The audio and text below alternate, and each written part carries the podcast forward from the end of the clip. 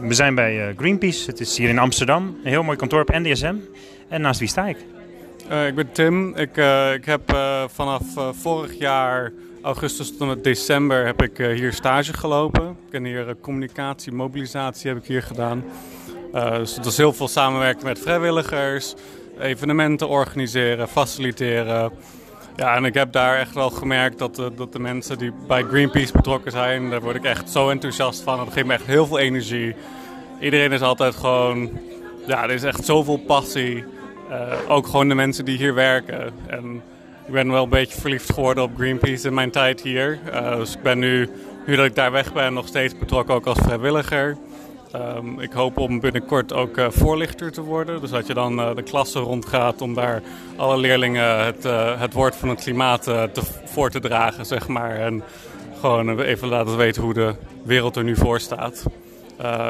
en verder zou ik heel graag op, op den duur ook weer, weer terugkomen. Want ik voel me hier wel echt heel erg thuis. En ja, gewoon al, al die acties wat ze doen, is, zo tof. En waarom zijn we hier vandaag? Uh, vandaag is uh, zeg maar de eerste, de eerste bijeenkomst voor een nieuwe Open Campaign. Dus dat is echt een soort van, van bottom-up. Dus vanuit de vrijwilligers en de mensen betrokken bij Greenpeace. In plaats van dat het Greenpeace het organiseert en dan achteraf komen de mensen erbij. Is het nu gewoon vanaf het begin wordt iedereen erbij betrokken en we gaan het gewoon echt samen doen. Um, en dit idee is ook een beetje aan de hand van wat er in de afgelopen maanden wereldwijd heeft gespeeld om daar ook echt burgerlijke ongehoorzaamheid bij te betrekken op een of andere manier. Dus dat uh, mensen niet helemaal de regels volgen, zeg maar, om echt even te laten zien van ja, wij zijn er klaar mee.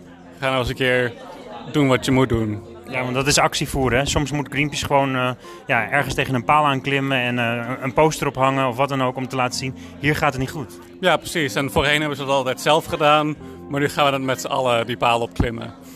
En uh, wat, wat voor mensen kom je hier tegen? Want we hebben natuurlijk al wat gesprek gehad vandaag.